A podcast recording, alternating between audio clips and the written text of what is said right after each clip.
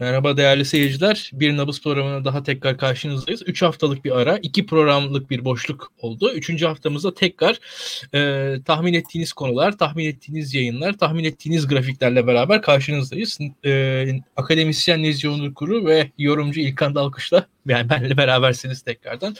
E, çok da farklı bir şey yapmayacağız açıkçası. Bu hafta da e, daha öncesinde olduğu gibi e, rakamları, verileri yorumlayacağız. E, son zamanlarda ortaya çıkan en ilginç veri e, tabii ki Metropol'ün kaynağı e, Metropol'den kaynaklanıyordu. Şimdi Metropol'ün verilerini biz yorumlayacağız. E, Nezih, şimdi hemen e, izninle şu grafiği ben yansıtayım. E, Abi bir de şey diyelim, e, bizi izleyenler yayını paylaşabilirse, e, iki haftadır yayın yapmıyoruz. Belki hani unutan olur e, dolayısıyla paylaşmaları bizim için gayet iyi olur. Daha çok kişi ulaşsın bu güzel grafiklerimize. E, Kesinlikle öyle. Evet, Daktilo kanalımıza da abone olmayı ve abone yapmayı e, unutmayın. Yani çevrenizdeki insanları e, abone yapın. Kesinlikle e, 30 öyle. Bine, 30 bine ulaşmak istiyoruz yani. E, 30 bine ulaşınca Bunları... YouTube kanalı e, geçebiliyoruz ve yani mesela bir grafikçi tutabiliriz. Daha güzel grafiklerle e, size katkıda bulunabiliriz. Veyahut da şey ee, bu yayınların mesela e, rejisini de biz yapıyoruz. Rejiyi biz yapmak zorunda kalmayız. Daha yayına odaklanabiliriz. Dahası öyle şeyler olabilir hatta. Veyahut da onun dışında şey de var. Mesela geçen yayına e, Nevşin Mengü e, sağ olsun e, konuk oldu. E, Nevşin Mengü bizim dostumuz. E, çağırıyoruz geliyor ama hani Nevşin Mengü gibi şahsiyetleri çağırabilmek için daha çok izlenen bir yayın olması gerekiyor yayınlarında. Yani daha doğrusunu söylemek gerekirse. E, herkesle de öyle dost değiliz. E, yani işin açıkçası. Bir de buradan e, bunları da belirtmiş olalım. Ben bir saniye yanlış grafiği yansıttığımı şu an fark ettim. Haklısın. E, şu anda hak... Evet.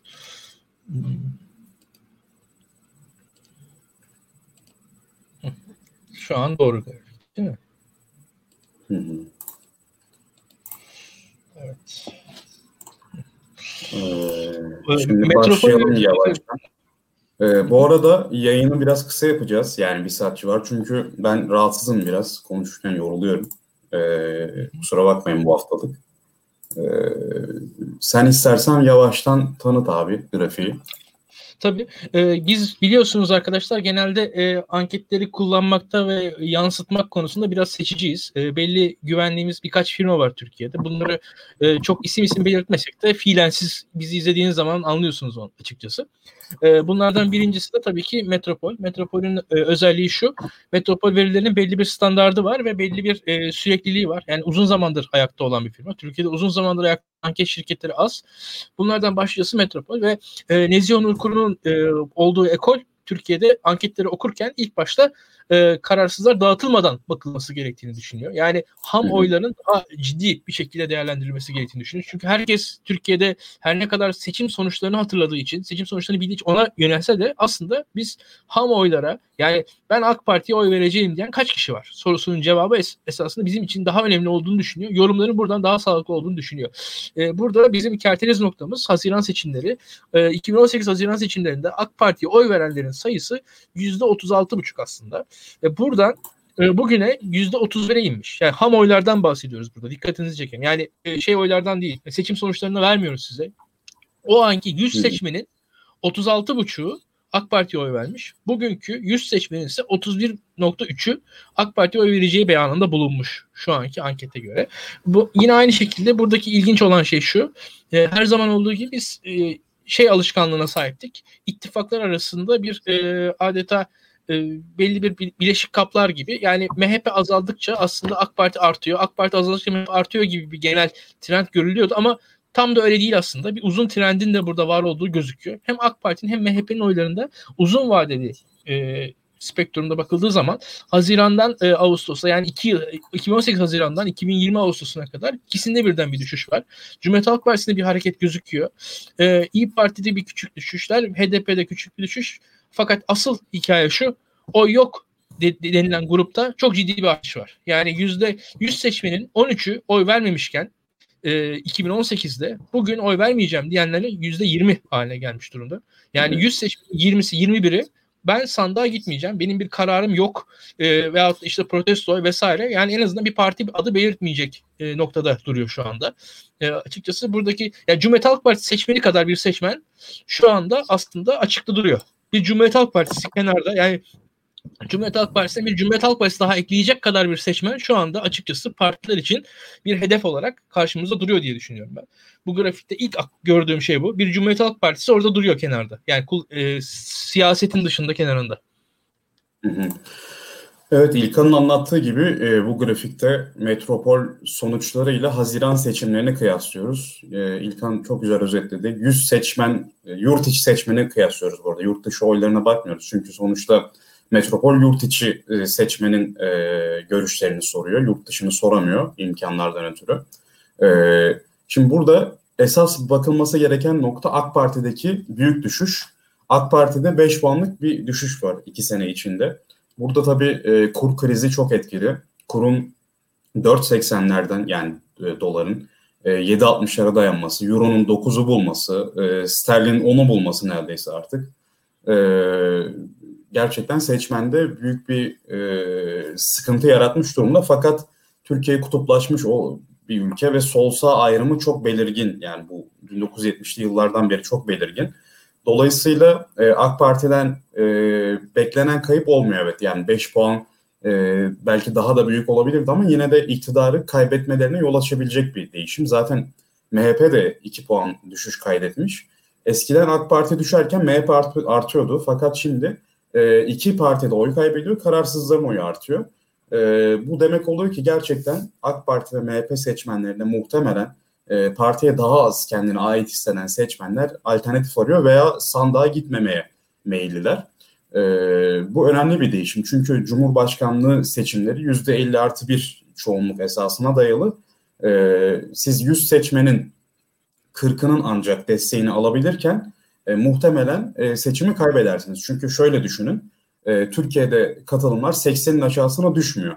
Yani yaklaşık 82-83 dolayında veya 85 hatta 90'a buldu oluyor ama e, bu şartlarda 90'a bulması zor. Yeni partilerin motive etmesi gerekiyor.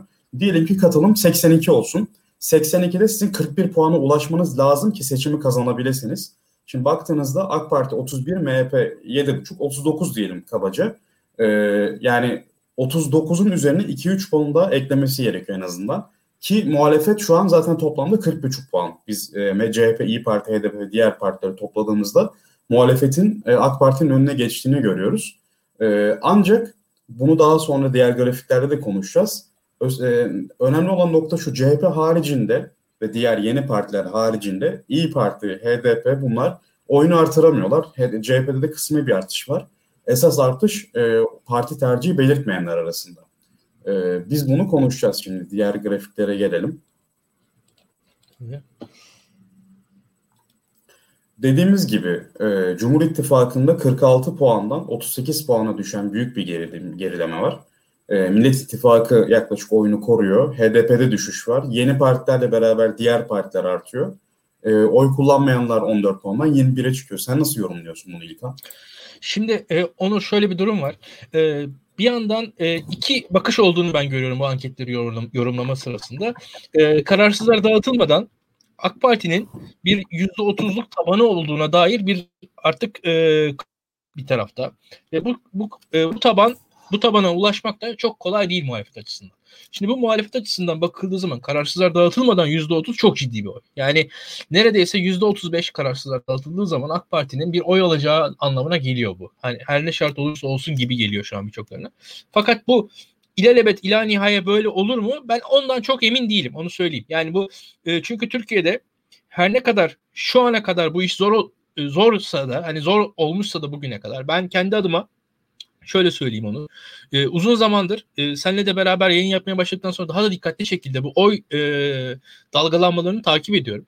Yani oy dalgalanmalarına dikkatli bakınca bir anda çok büyük şeyler olmuyor. Yani bir anda her ay yüzde bir, yüzde iki oluyor ve yani gerçekten de tüm partiler o yüzde bir için, yüzde iki için ciddi çalışıyorlar. Yani burada e, hani birçokları şey diyor ya böyle e, işte Ayasofya açıldı hiç etkisi olmadı. Bilmem ne oldu hiç etkisi olmadı. Oluyor bunların etkileri. Yani bunların hepsinin etkisi oluyor.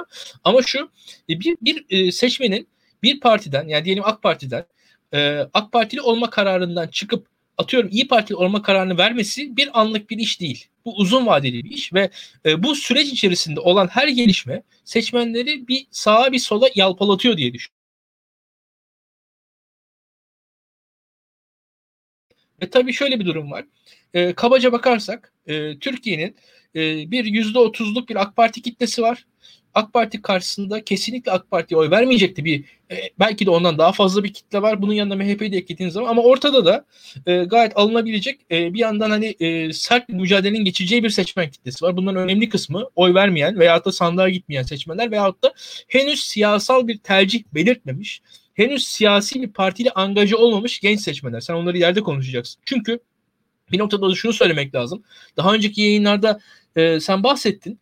Şimdi AK Partili seçmen kendisine AK Parti'ye oy verdikçe AK Parti ile de özdeşleştiriyor. Ve AK Parti'ye yapılan eleştiriyi kendisinin şahsiyetine, kişiliğine yapılan eleştiri olarak algılamaya başlıyor bir kısım seçmen. Ya bu yüzden de e, bir aidiyet oluşmuş durumda şu anda. Bu e, anlaşılması, anlatılması da kolay bir şey değil. Katılıyorum birçoklarına. Ama şu var, tüm seçmenler böyle değil ama bir kısım böyle seçmen var. Şimdi fakat şu aşamada muhalefetin bir şansı senin odaklandığın genç seçmenler. Çünkü bunların herhangi bir özdeşlikleri yok. Çünkü e, daha önceki yayınlarda sen bahsetmiştin. Türkiye'nin yüzde kaçı herhangi bir seçimde Tayyip Erdoğan'ın e, işaret ettiği şekilde oy kullandı diye baktığımız zaman yüzde yetmişi bir şekilde bir seçim Tayyip Erdoğan'ın istediği gibi oy kullandı Türkiye'deki seçmenleri. Yani işte Cumhurbaşkanı halk sessin dedi. 2010 referandumuna evet verdi. E, işte atıyorum daha önce AK Parti'ye oy verdi. Belki şu an İyi Partili oldu e, veya HDP'li oldu vesaire. Böyle böyle seçmenler eklediğiniz zaman Türkiye'nin aslında seçmen kitlesinin çok önemli kısmı hayatında bir defa iki defa AK Parti'ye oy vermiş durumda. AK Partili gibi oy vermiş durumda. Ve AK Parti ama buna rağmen aslında şu an AK Parti'ye oy verenlerin sonu yüzde otuz. Şimdi bu yüzde otuzun yüzde otuzsa bu açılardan daha katılaşmış bir kitle. Bu, bu kitleyi eritmek, bu kitleyi en azından e, kopartmak kolay değil. E, bir onu bu onu ortaya koyuyor ama bir yandan da şu asla seçim e, oyunu bitmiş durumda değil. Şu rakamlara bakınca onu görüyoruz zaten. Seçim oyunu ortada. E, kolay değil muhalefet açısından ama e, kazanılamaz bir oyunda olmadığı gözüküyor bence. İstersen bir sonraki grafikten devam edelim. Tamam. Aslında e, burada seyri konuşmak gerekiyor. Çünkü dalgalanmalardan da e, Cumhur ve toplam muhalefet oyu arasında sıkı bir rekabetin olduğunu görüyoruz. Yani e, çünkü %50 artı bir e, çoğunlukla Cumhurbaşkanı'nın seçildiği ve meclis çoğunluğunun da yaklaşık bu şekilde belirlendiği bir seçim e, sistemi içerisindeyiz. Amerika seçimlerine benziyor yani başkanlık sisteminde geçtiğimiz için. Ee, şimdi aslında 2018 Haziran, 2019 yerel seçimleri ve 2020 Mart'a kadar hatta Mayıs'a kadar pardon e, Cumhur İttifakı toplam muhalefet oyunun her zaman önündeydi. Evet muhalefet biraz daha toparlandı, fark biraz daha daraldı yerel seçimlerde mesela. Ancak e, hani İstanbul ve Ankara'yı kazanan muhalefet aslında ülke genelinde e, Cumhur İttifakı'nın bir türlü önüne geçemiyordu. Yerel seçimlerde de geçemedi. E, bunu değiştiren nokta grafikte e, tam olarak belki gözükmüyor bilmiyorum. E, 2020 e, korona başlangıcı sonrasında e, pandeminin yönetilememesi ve ekonomik tedbirlerle bunalan halkın e, daha doğrusu ekonomik tedbirlerin yetersiz gelmesiyle zaten daha önceden kur kriziyle bunalmış olan halkın e, tepkisini artık e, oy tercihine yavaş yavaş yansıtması. Yani baktığınızda mesela e, koronavirüs öncesinde Suriye operasyonlarının da etkisiyle Cumhur İttifakı oyunu koruyorken muhalefet oyu %34'lere düşmüşken e, bir anda 10 puanlık bir artış var. E, 2020 Mart ve 2020 Haziran arasında pandemi sürecinde. E, bu pandemi sürecini iktidar iyi yönetemedi. E, CHP'li belediyeler e, özellikle icraatçı performans sergiledi. Muhalefetin alternatif olduğunu e, göstermiş oldular bu şekilde muhalefet e, bir toparlanma görüntüsü çizdi. Ancak e, 2020 Temmuz'a geldiğimizde ne oldu? Pandemiden çıkış algısı yaratıldı. E, düşük faizli krediler pompalandı. E, herkes bir anda ev alabildi. Yani biz çevremiz çevrenizde illaki görmüşsünüz. Birden fazla insan ev sahibi olabildi. Tabii. E, bir de dış politika ve Ayasofya gibi gerginliklerle yeniden kimlik siyaseti de yüceltildi. E, belki kararsızlardan geri dönüşler oldu. Cumhur İttifakı biraz daha toparlandı. e, muhalefete yanaşan belki kararsız seçmenler de e, Cumhur e, yeniden kararsızlığa geri döndüler muhtemelen. Bu e, kesin bir çıkarım yapmak zor tabii böyle e, betimleyici grafikler üzerinden. E, yani muhalefetin yükseliş ivmesi biraz azaldı Temmuz ayında. Cumhur İttifakı toparlanır gibi oldu ama Ağustos'a geldiğimizde Cumhur İttifakı'nın yükselişi yeniden aşağıya doğru dönmüş gibi gözüküyor. Muhalefette hafiften yükselecek gibi gözüküyor. Neden? Çünkü e, Ağustos ayında e, kur kriziyle başladık Ağustos ayına. E, Ayasofya konusu etkisini kaybetti, doğalgaz müjdesi etkisini kaybetti. E, dış politikadaki gerginlik de aslında biraz hayali bir gerginlik. Mesela Suriye operasyonlarında siz doğrudan PKK ile mücadele ediyorsunuz aslında. Yani e, PKK'dan e, ya PKK'lı olan kişiler PYD'ye katılıyor ve reel olarak Türkiye Cumhuriyeti gerçek bir tehdit karşısında mücadele ediyor ve bunu e, muhalefet de destekliyor HDP haricinde. Ama Yunanistan krizi işte Libya gibi konularda e, olmasa da olur konular. Yani mesela 2010'larda e, PKK'nın altında imzası olan pek çok eylem yaşadı değil mi Türkiye? Yani çözüm süreci bitti işte Güneydoğu'da olaylar oldu filan. E, dolayısıyla Suriye'deki PKK ile mücadele halk için reel bir şey. Ama dış politikadaki diğer konular e, aslında o kadar da reel değil. Yani bunların etkisini AK Parti'nin koruması zor. Ve bu nedenle e, oyunu da aslında sadece bu gelişmelere dayanarak artıramıyor AK Parti. Ben böyle okuyorum. Sen ne düşünüyorsun İlkan?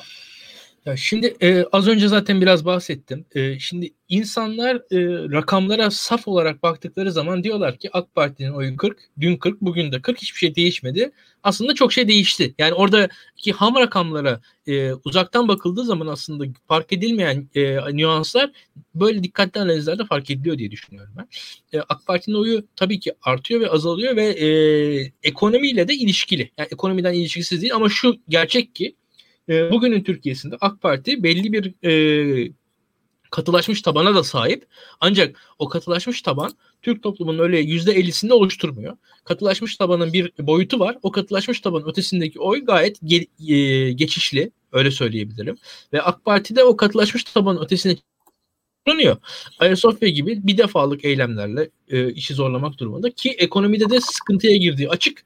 Ekonomi sıkıntısı birazcık e, bu işi zorlaştıracak gibi gözüküyor diye ben düşünüyorum. Ve burada şu mesele önemli. E, bence belediyeler burada çok çarpıcı diye düşünüyorum e, Onur. Çünkü e, Türk toplumu e, biliyorsun bir, bir defa e, algıları açık insanlar. Türk tüm toplumlar algıları açık ve e, bu algılar nereden olabilir? E, devlet gücüyle olabilir, medya gücüyle olabilir, teşkilat gücüyle olabilir. İşte toplumsal ağlar, networkler gücüyle olabilir. Şimdi muhalefetin elinde belediyeleri alana kadar hiçbir güç yoktu aslında. Yani bir tek Fox Fox ana habere bir şey çıkacak. O da insanları etkileyecek. Oradan da siz muhalefet yapacaksınız. Veyahut da örgütleriniz zaten genelde kendilerine benzer insanlarla konuşuyorlar. Onun dışında biz internette kendi adımıza muhalefet yapıyoruz derken aslında kendimize benzer insanlarla konuşuyoruz. Ee, bu belediyelerin alınmasından sonra bence ilk defa muhalefet belki de 10-15 sene sonra kendisinden olmayan insanlarla insanlara dokunma şansına kavuştu diye düşünüyorum. Ben bunu çok çarpıcı görüyorum. Ve bu belediyeler sayesinde İstanbul Belediyesi çünkü gelen giden e, tüm Türkiye'den insan var. Ve yeni belediye geldi otogar değişti. Net bir şekilde gör, görülüyor bu. CHP'nin yaptığı bir işi tüm Türkiye görebilir hale geldi. Daha önce böyle bir şey yoktu. Yani İzmir Belediyesi'nin yaptığı hiçbir işi tüm Türkiye görmez açık konuşalım. Veyahut da e, atıyorum e, Beşiktaş Belediyesi'nin yaptığı bir işi Türkiye görmez ama İstanbul Büyükşehir Belediyesi'nin yaptığı işi tüm Türkiye görür. Yani burada e, ve ilk defa bu e, iktidarı bence biraz sarstı. Yani iktidarın algı yaratma kapasitesini sarstı. Belediyeler CHP'de oldukça ve e, çok ciddi bir başarısızlık elde edilmedikçe, olmadıkça e, ben muhalefetin bir noktada iktidar tırtıklayacağını düşünüyorum. Yani bu e, tabii ki sandık önemli. Tabii ki e, işte e, ekonomi önemli ama ekonominin yanında da şu var. Şu an ilk defa aslında 18 e, yıldan farklı olarak son bir yıldır muhalefetin bir muhalefet yapabilme ve yaptığını anlatabilme kapasitesi var. Yani e, bakmayın siz İstanbul'daki metrolardaki o afişler veyahut da oradaki e, kayan yazılar falan bunlar çok önemli şeyler. bunlar öyle önemsiz falan e, çok kişi önemsemiyor bunları veyahut da onların e, etkisinden çok azade olduğunu düşünüyor ama bu, bu tarz şeyler çok etkili görseller bile bence çok yayılabiliyor diye düşünüyorum. E, bu açıdan e, ki korona günlerinden bahsediyorsunuz. Değil mi? Korona günlerinde zaten e, herhangi bir faaliyet zaten yasaktı ki belediyelerin varlığı bir propagandaydı. Yani orada zaten siyasi faaliyetler de fiilen durmuştu korona yüzünden. Yani teknik olarak. E, bunlar da önemli. Ve burada e, Ayasofya konusunu zaten daha önce de yorumladık. E, bir sonraki grafiklerle ben Ayasofya'yı daha da sert yorumlayacağım zaten. O yüzden istersen devam edelim. Ee, evet devam edebiliriz aslında. Ya da bu grafikte kalalım. Ben de belediyeler konusunda bir iki bir şey söylemek istiyorum. Ee, şimdi e, eskiden yani 2019 seçimlerinden önce e, CHP'li belediyelerde yaşayan nüfus %15 civarı. Toplam muhalefet e, belediyelerinde yaşayan nüfusa %25'i geçmiyordu. 2019'da İstanbul ve Ankara gibi büyük şehirlerin kazanılmasıyla birlikte bu oran %50'ye çıktı. Yani eskiden AK Parti %66'lık bir nüfusun e, nüfusun üçte ikisinin ço- e, yaşadığı e, bölgelerde belediye kazanmışken, belediyeleri kazanmışken bu oran e, düştü. Yüzde 35'e AK Parti yüzde 35'e geriledi. E, tüm muhalefet de yüzde 20'lerden yüzde 50'ye çıktı muhalefet belediyelerinin toplamı. Yani 66'ya 25'lik denge 35'e 50'ye kaydı bir anda. E, daha öncesinde AK Parti mesela icraatlarını yerel yönetimler sayesinde çok daha rahat anlatabiliyordu insanlara. Zaten e, seçmen işte yol yaptığı hikayesi var ya muhalefet seçmen AK Partilileri eleştiriyor. Yani e, yolları her zaman karayolları yapmıyor. E, pek çok e, büyükşehir belediyesi veya ilçe belediyesi e, yollar yapabiliyor. Yani kaldırımları yeniliyor işte farklı projeler imza atıyor. Sosyal yardım yalnızca aile ve e, Sosyal Politikalar Bakanlığı yapmıyor. Yani belediyeler de epey yardım sağlıyor. Hatta partinin çalışma mekanizması AK Parti'nin daha çok belediyeler üzerinden. Bunu çoğumuz bilir yani.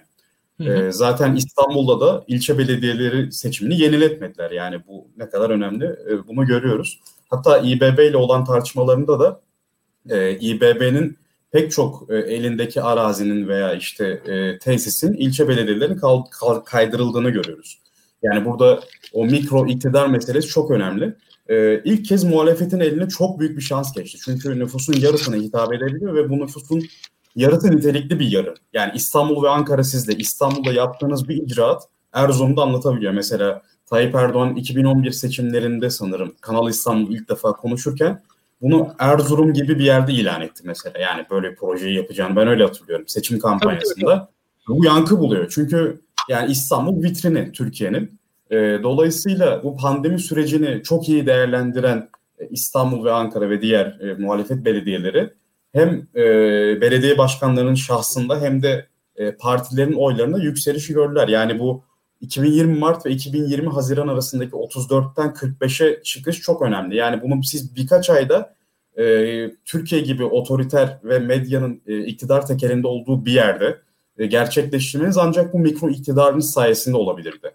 E, bunu yani muhalefette tekrar göz önünde bulundurmalı. Hani belediyelerden beklentileri neler, belediyelerin önemi nedir? Ee, tabii, tabii. Yani burada yani... belediyelerin itibarını korumak önemli. Muhalefet eğer stratejik düşünecekse e, yani burada sonuçta mesela iktidar ne yapıyor? Mesela Mansur Yavaş'ı daha çok öne çıkarıyor bu aralar. Abdülkadir Selvi'nin yazılarını gördük. İşte Ekrem İmamoğlu yeterince çalışmıyor gibi bir algı var.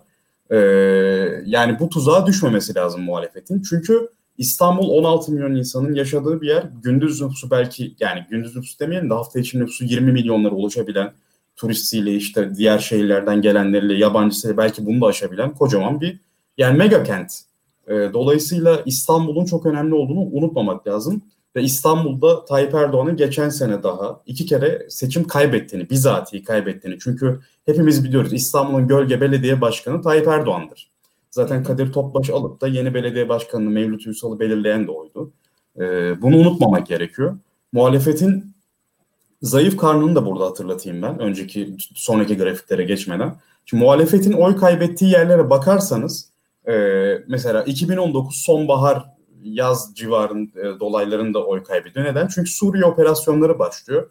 Suriye operasyonları başlayınca dediğim gibi PKK, PYD e, reel bir tehdit olduğu için e, bir bayrak etrafında toplanma etkisi oluşuyor. Ve diğer sorunlar işte ekonomi gibi veya işte adalet gibi sorunlar, eğitim gibi biraz da arka planda kalıyor.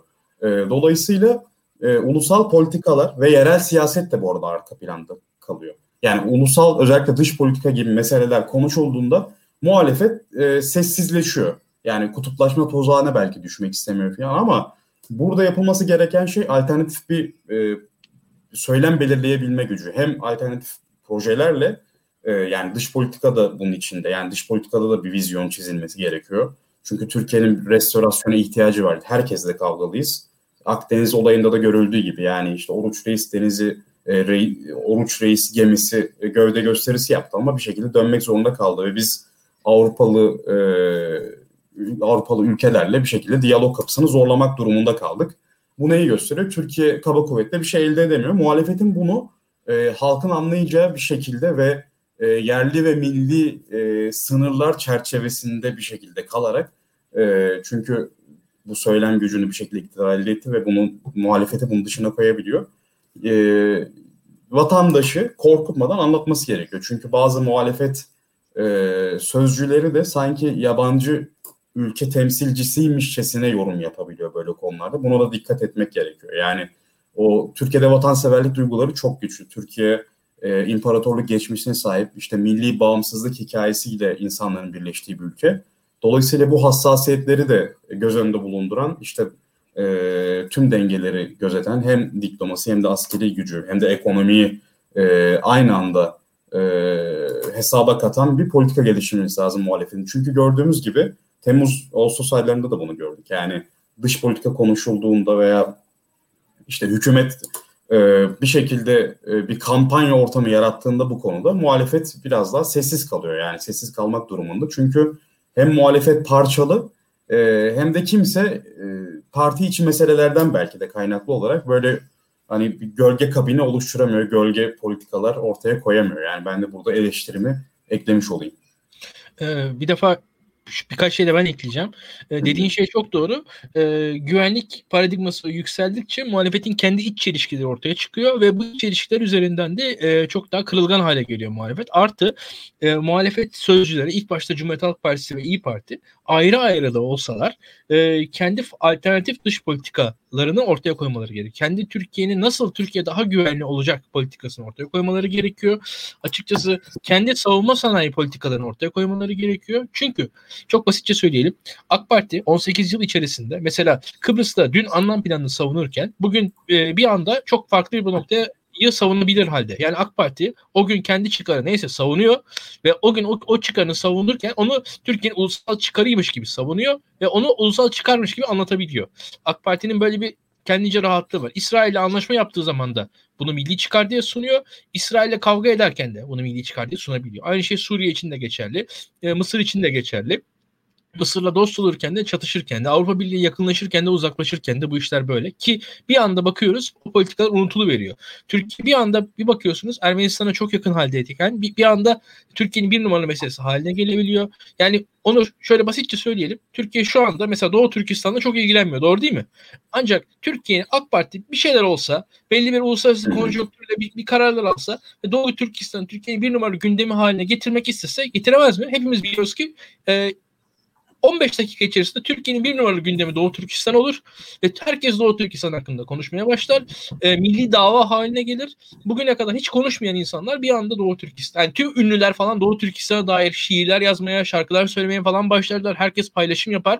E, kafamda çok ben çok net canlandırabiliyorum. Bu AK Parti şu an bunu yapmamak yapmamayı tercih ediyor ve yapmıyor. E, bu bir e, politika başarısı. Benzer politika başarılarını muhalefetin de göstermesi gerekiyor. Açık konuşalım. E, burada şöyle bir şey var. Dediğin şey çok doğru.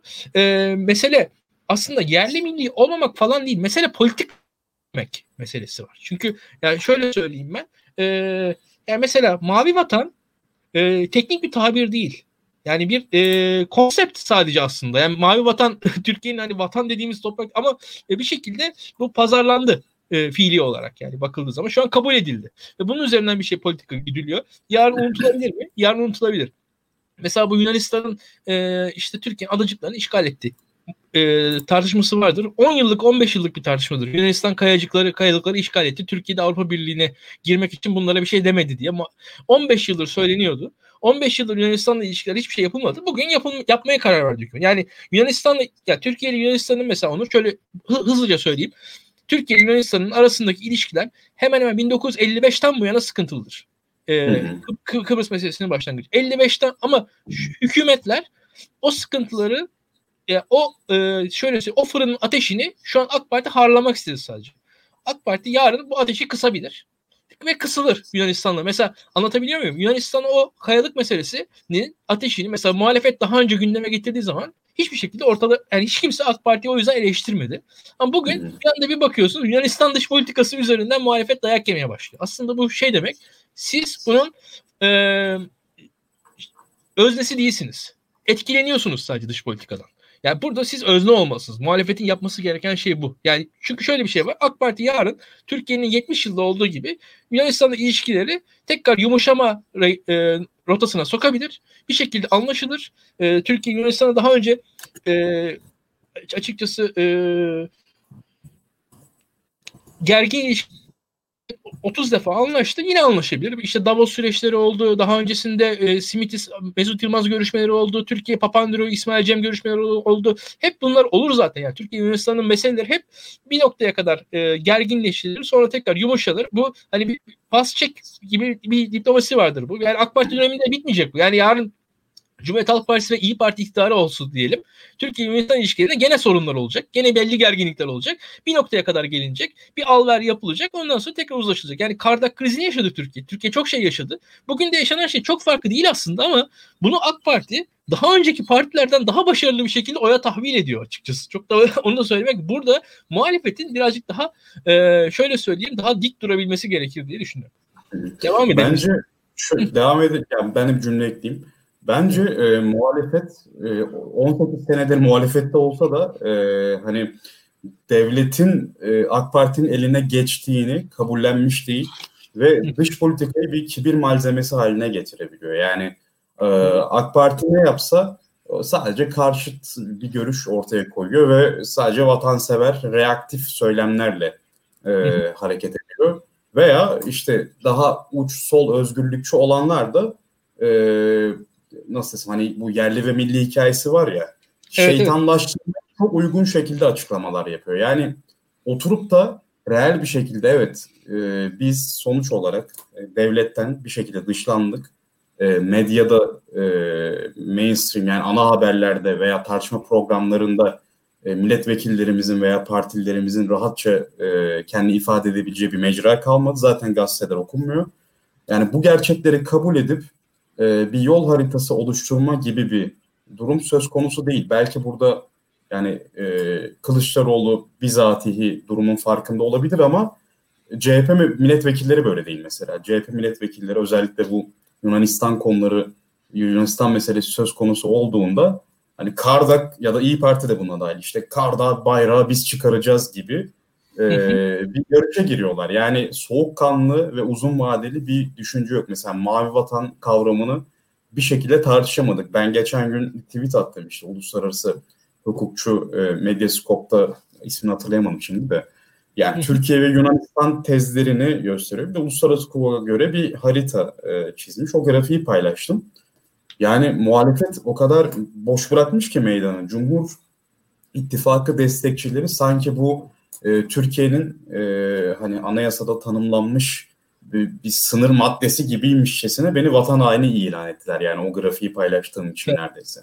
Yani burada CHP ya da İyi Parti aktif bir e, muhalefet yapmış olabilseydi soğukkanlı bir şekilde ben e, onu daha rahat savunabilirdim mesela. Ya e, onu şöyle söyleyeyim ben o, o mavi vatan haritası da aslında yıllar içinde değişti ve evrildi yani. Hani bunu bilen birisi olarak iyice komik bir durum vatandı. O mavi vatan 2010 yılında neden bu kadar mavi vatan değil? Yani o, o tam komedi yani açıkçası. Orada Türkiye'nin sınırı mı genişledi yani bu son 5 yıl içerisinde? Ama oluyor bunlar.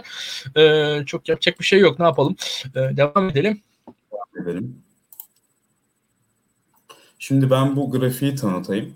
Ee, bu metropol verilerine göre e, parti tercihi belirtmeyen farklı nedenlerle bu kararsızlar olabilir, işte protesto oy olabilir veya doğrudan cevap vermeyen kişiler olabilir. E, ay ay mesela Şubat ayında 18.8 puanmış bu seçmen grubu. E, bunun 9.5 puanı gri renkte belirtilen olan, gri, gri renkte belirtilen kitle 2018 seçimlerinde de oy kullanmayanlar. Kırmızı renkte belirtilenler e, muhalefet partilerine oy verenler 2018 seçimlerinde. E, sarı renkle belirtilen e, kitle ise Cumhur İttifakı'na oy verenler. Biz de bu şekilde e, ay ay hem e, parti tercih belirtmeyen seçmenin ne derece değiştiğini görüyoruz. Hem de bu seçmenin kırılımını görüyoruz.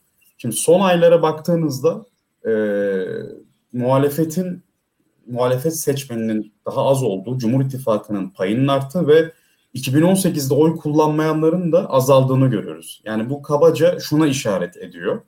E, 2018'de oy kullanmayanlar muhtemelen e, olumsuz ekonomik şartlarla birlikte muhalefete yöneliyorlar. Çünkü muhalefet bir yükseliş trendindeydi az önce konuştuğumuz gibi. Şubat'tan Haziran'a kadar yaklaşık 10 puan kadar oyunu artıran bir muhalefet bloku var. E, bunun karşılığında da Cumhur İttifakı'nın oyu düşüyordu. Ama Cumhur İttifakı'nın oyu muhtemelen e, kararsızlara veya işte parti tercih belirtmeyenlere doğru gidiyor. E, bize bu grafik bunu anlatıyor. Ama burada muhalefetin dikkat etmesi gereken şey şu. Evet muhalefetin oyu artıyor veya Cumhur İttifakı'yla e, Cumhur İttifakı'na karşı daha avantajlı gözüküyor. Fakat oy tercih belirtmeyenler arasında Cumhur İttifakı'nın da payı artıyor. Bu ne demek? Mesela ola ki e, baz etkisiyle ekonomi büyüdü diyelim 2021'de. Ve bunu AK Parti korudu bir şekilde işte daha doğru ekonomi politikaları yönelik adımlar attı veya dış politikada e, ilişkilerini düzeltti işte Batı İttifakı ile diyelim ki yani. E, bir şekilde yabancı yatırım çekebildi işte finans yatırımcıları bir şekilde e, Türkiye'ye sıcak para aktardılar. Yani eski hikayeyi yeniden bir şekilde tekrarlayabildiler. Hani e, daha kötüye gidişi durdurdular diyelim en az. Muhtemelen Cumhur İttifakı'na oy verip de şu an parti tercihi belirtmeyenlerin önemli bir kısmı yeniden Cumhur İttifakı'na yönelebilir. Ee, şimdi bu senaryo için en az bir seneye ihtiyacı var Cumhur İttifakı'nın. Çünkü belli oluyor ki pandeminin sonuçları e, daha da kötüleşecek bir şekilde halkı etkileyecek. Zaten döviz kuru da artıyor. Belki yeniden kapatmalar olacak. Bir yeniden karantina dönemini yaşayacağız. Çünkü daha e, karantinanın e, pandeminin e, birinci döneminde ikinci zirveyi görüyor Türkiye. Belki ikinci aşamaya geçeceğiz. Daha da kötü olacak. Çünkü görüyoruz yani Hindistan'da, İngiltere'de veya başka ülkelerde katlanarak artıyor vakalar. Belki Türkiye'de de bu olacak. Ee, yani bu bir sene içinde e, şartlar halen e, Cumhur İttifakı'nın aleyhine e, giderken muhalefetin kararsız seçmeni ikna edebilecek bir yol haritası izlemesi gerekiyor. Yoksa dediğim gibi yani ekonomi baz etkisiyle büyürken belki Cumhur İttifakı erken seçimi ilan edebilir. Bu erken seçim şartlarında da son bir kez Erdoğan desteklemek için bu seçmen grubu e, Cumhur İttifakı'nı tercih edebilir. Zaten kararsızları dağıttığımızda Cumhur İttifakı %45'ten aşağıya düşmüyor. Bu şekilde yine %50'ye ulaşabilir ve e, bir dönem daha ülkeyi yönetebilir. Böyle bir ihtimal var. Yani çantada keklik değil muhalefet için açıkçası gelecek seçimler. Tabii bir de e, genelde şöyle bakılır. E, yani iktidarın oyu düştü de seçime doğru muhalefetin oyu arttı denir. Aslında seçim öncesi performansı açısından ben iktidarı muhalefetten önde görüyorum. Yani şimdiye kadarki geçmiş zamanlara baktığım zaman kendi hissi seçim öncesinde çünkü iktidar seçim öncesinde muhalefetle e, seçmenleri biraz korkutabiliyor yani. Orada bir yüzde bir ikilik bir alan e, tehlikeli bir alan muhalefet açısından. Yani daha net bir galibiyet gerekiyor. Çünkü iktidar değişiminden, iktidar dönüşümünden, o geleceğin bilinmezliğinden de korkutma e, korkutma korkutma yolunu seçebiliyor iktidar diye düşünüyorum ben. O açıdan da önemli bu. E, bu şu bu grafik bence önemli e, şimdi kararsızların içerisinde 2018'de AK Parti oy verenlerin miktarı giderek artacak. Burada özellikle aslında yeni kurulan iki partiye de iş düştüğünü düşünüyorum ben. Bu yeni kurulan iki parti belli bir e, açıkçası ciddiyet, e, belli bir e, görünürlük ve belli bir netlikle e, ortada olmalılar. Ben henüz yeterince e, ciddiyet, netlik ve görünür, görünürlük olduğunu düşünmüyorum açıkçası. E, birazcık burada e, eleştireceğim yeni kurulan iki partide, Gelecek Partisi Deva Partisi de bence olabilecekleri noktada değiller. E, şu açıdan söyleyeyim ben. İnternet önemli, sosyal medya önemli. Ancak internet ve sosyal medya bu partilerin kendilerini tanıtması, kendileri hakkında konuşturması açısından, kendilerinin e, ulaşması gereken seçmenlere ulaşması açısından ne kadar doğru mecralar tartışılır diye düşünüyorum ben.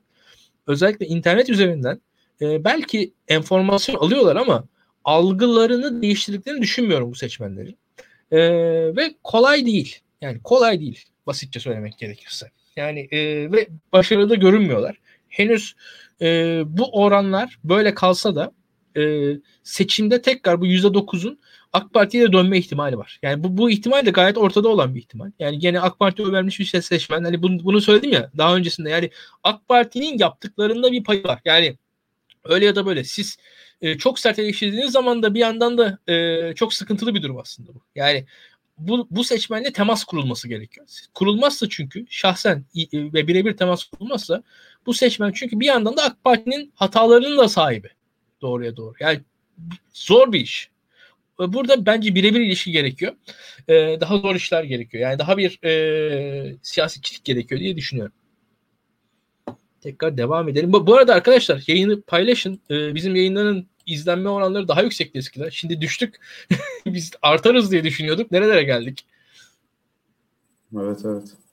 Ee, yani burada daha rahat görebiliyoruz trendi. Mesela e, 2018'de oy kullanmayıp da e, şu an halen kararsız veya işte oy vermeyen seçmenin oranı 12 puandan neredeyse 6 puana yani yarısına inmiş. E, muhalefette olup da oy vermeyenler azalmış Ağustos haricinde.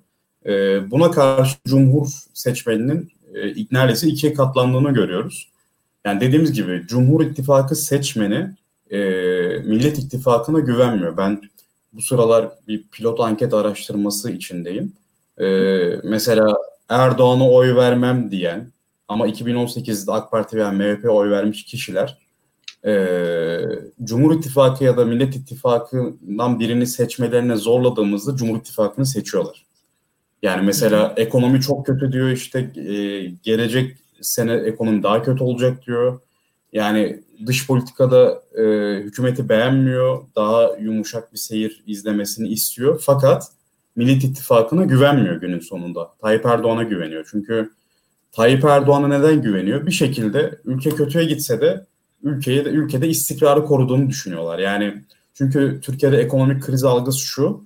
E, özellikle önceki nesillerde işte ekmek kuyrukları, yağ kuyrukları olması gerekiyor. Ne bileyim işte insanların araba, ev alamaması gerekiyor filan. Ama Türkiye'ye baktığınızda bir şekilde halkın çoğunluğu yani yani bankaların e, batması gerekiyor. Evet, bankaların batması gerekiyor ne bileyim işte yazar kasa fırlatılması gerekiyor. Esnafların 2001 krizinde olduğu gibi e, örgütlenip eylem yapmaları gerekiyor o kriz algısını yaşamaları için. Bunlar olmadığından ötürü bir şekilde Erdoğan'ın e, başarılı olduğunu düşünüyorlar. Erdoğan'a kızmış olsalar da yani hane ekonomileri etkilense de bir şekilde Erdoğan'a olan kredileri tamamen bitmiş değil. E, burada az önce bahsettiğimiz gibi yerel e, siyasetçilerin hamleleri önemli. Özellikle e, Tayyip Erdoğan'dan daha kolay kopabilecek olan bazı seçmen grupları var. Bunlar kimler? İşte Kürtler, genç seçmenler, Aleviler. E, hani eski nesil Türk Sünni olmayan e, tüm kesimler bir şekilde aslında muhalefet belediyelerinin etki alanında olabilir. Özellikle e, büyük şehirlerin dış ilçelerinde mesela İstanbul örneğinden vereyim ben. Sultanbeyli, değil Esenyurt, Ümraniye gibi mesela Pendik'in daha dışı yerleri gibi, Bağcılar gibi yerlerde bu bahsettiğim mesela Kürt genç seçmen çok fazla aslında ve bunlar e, CHP uzaktı son yıllara kadar. E, muhtemelen Ekrem İmamoğlu örneğinden gideyim ben. Ekrem İmamoğlu'na oy vermemiş olan kitleleri bir şekilde sosyal yardımlarla Ekrem İmamoğlu etkiledi. Benim bildiğim kadarıyla Ekrem İmamoğlu İstanbul'daki popülaritesini buradaki seçmenlerin desteğiyle bu Esenler'deki, Bağcılar'daki, Esenyurt'taki, Pendik'teki, Sultanbeyli'deki seçmenin desteğiyle %60'a e, taşıyabildi. %55'lerde olan popülaritesini.